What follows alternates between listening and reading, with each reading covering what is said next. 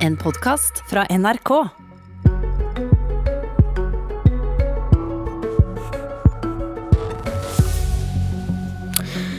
Kan lærermangelen løses uten at vi løfter en finger? Kan bli overskudd av lærere fram mot 2040, står det på regjeringens hjemmeside.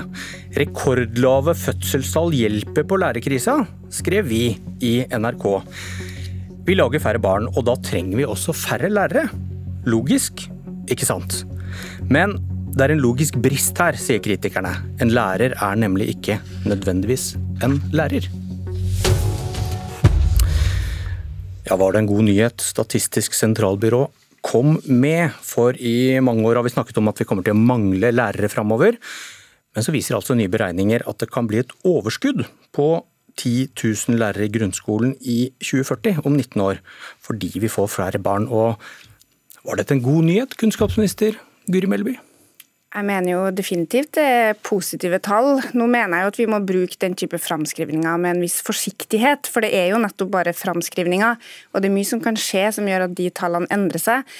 Men det er jo veldig bra å vise at vi har greid å snu trenden der vi mange år styrt mot en lærermangel, så viser vi nå at vi styrer mot at vi eh, mest sannsynlig har nok lærere i framtida. Og det betyr jo at vi får en mulighet til å realisere det jeg tror vi alle er enige om, at alle barn skal møte en kvalifisert lærer i klasserommet. Og det skjer pga. demografi, men det skjer også fordi at lærerutdanninga har blitt mer attraktiv. Det er stadig flere som søker seg dit, og det er stadig flere som greier å fullføre på normert tid. Og ikke minst at vi for lærerne har gjennomført det jeg tror må være tidenes videreutdanningsløft for en yrkesgruppe, med at 40 000 lærere har fått videreutdanning de siste åtte årene. Du, I, i pressemeldingen din om denne rapporten så nevner du ikke at disse tallene baserer seg på at dette vil innebære fortsatt mange ufaglærte lærere uten lærerutdanning. Hvorfor nevner du ikke det? Altså det som er Hovedpoenget med de tallene er jo at de viser at både pga. demografi og de tiltakene vi har gjort, så vil vi da greie å oppnå det vi har jobba for veldig mange år. At vi får at vi har nok både grunnskolelærere, barnehagelærere og andre lærere på andre trinn. Eh, og Det er jo det viktigste med den framskrivinga som SSB har lagt fram. Eh, og så har vi jo dessverre tall som viser også at vi fortsatt har noen ukvalifiserte lærere i norske klasserom. Heldigvis har jo det antallet gått ned. Heldigvis har jo det antallet gått ned, fordi at vi har satsa systematisk. Antallet ukvalifiserte lærere har gått ned de siste årene, og antallet kvalifiserte lærere som jobber i norske klasserom, har økt de siste årene. Hva har Men, skjedd med antall ufaglærte i grunnskolen siden 2013, da de borgerlige tok over?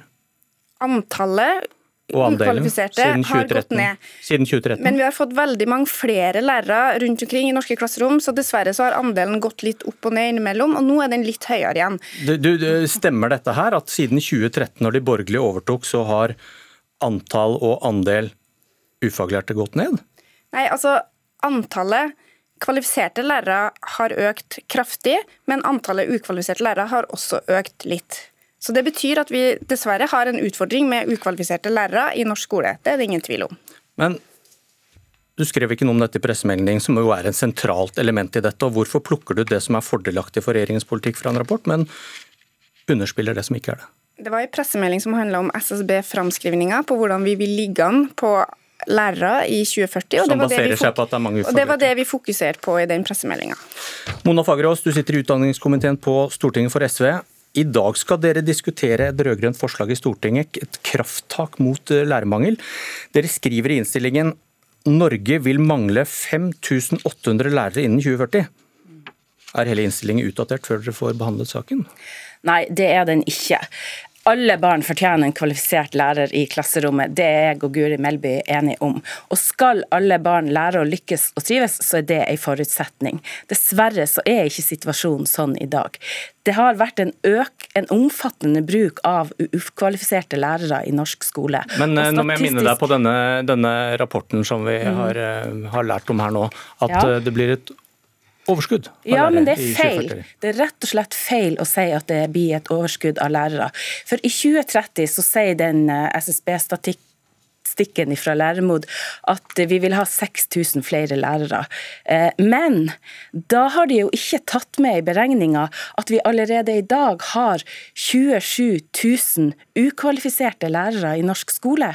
Så hvis vi tar det med i regnskapet, og eh, jeg er jo bare en avskilta lærer, så jeg er ikke så god å regne, men det er i hvert fall sånn at du må ta med alle tallene når du lager en statistikk. Men da må jeg også spørre deg, Hvorfor plukker du ut det som er fordelaktig for din egen politikk, men underspiller det som ikke er det?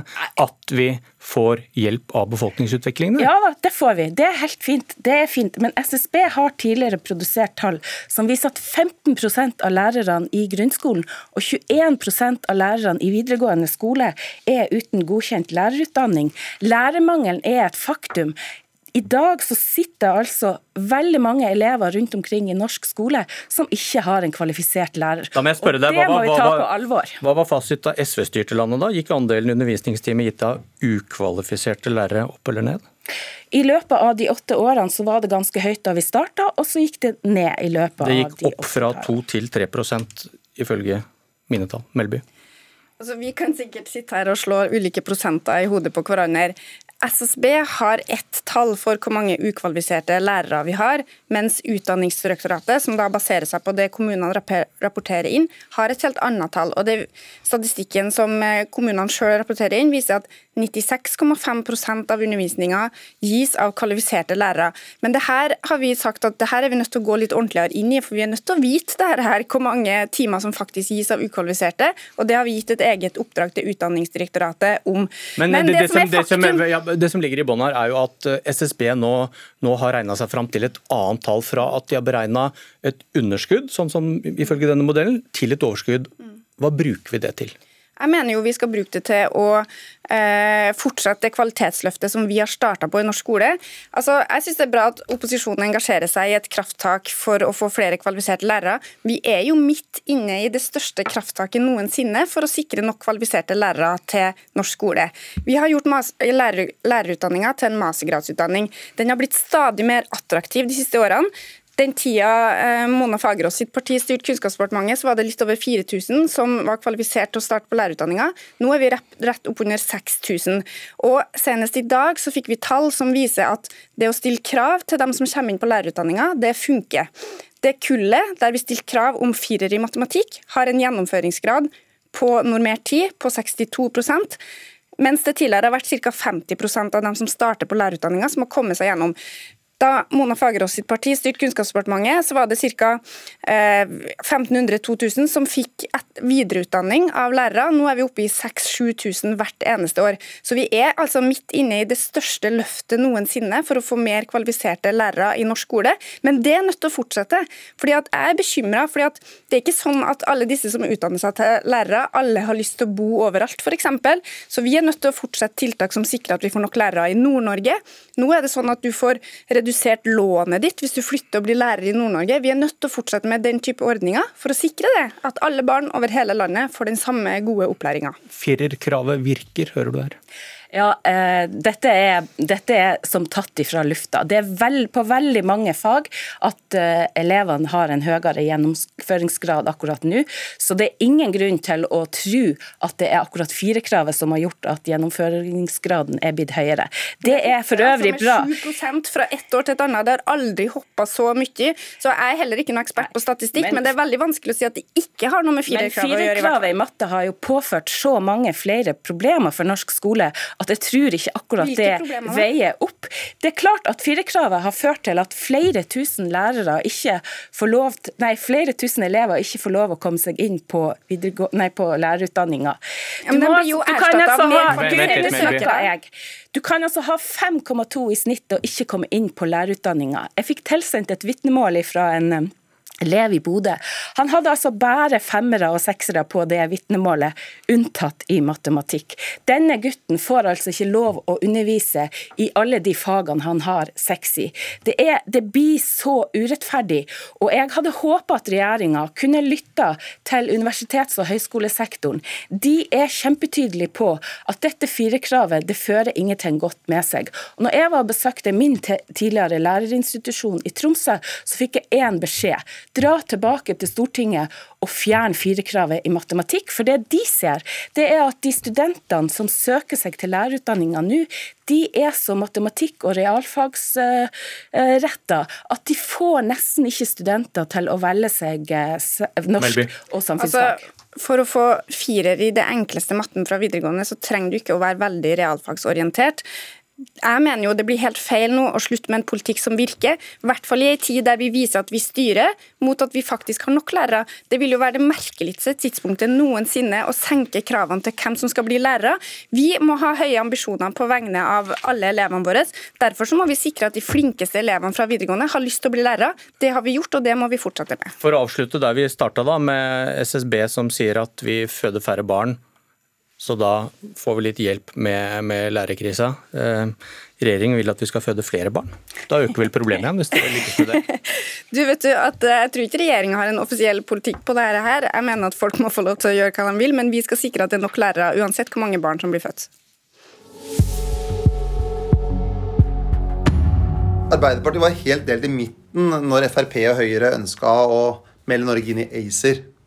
Nå kommer det en ny sak eh, fra EU med at den skal gi enda mer makt over norsk kraftpolitikk til ACER og EU. Og da håper jeg at de som er i Fellesforbundet, andre som er opptatt av å ha norsk industri, ser at det å stole på Fremskrittspartiet og Høyre i denne type spørsmål, det er ikke bra for den norske industrien og for den norske industriarbeideren.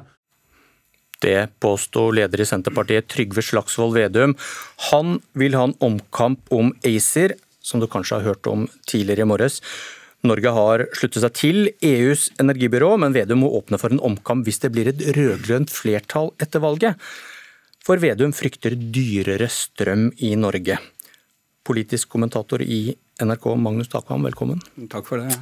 For det første, går det an å si noe om hvem som har rett? Fører ACER til dyrere strøm i Norge?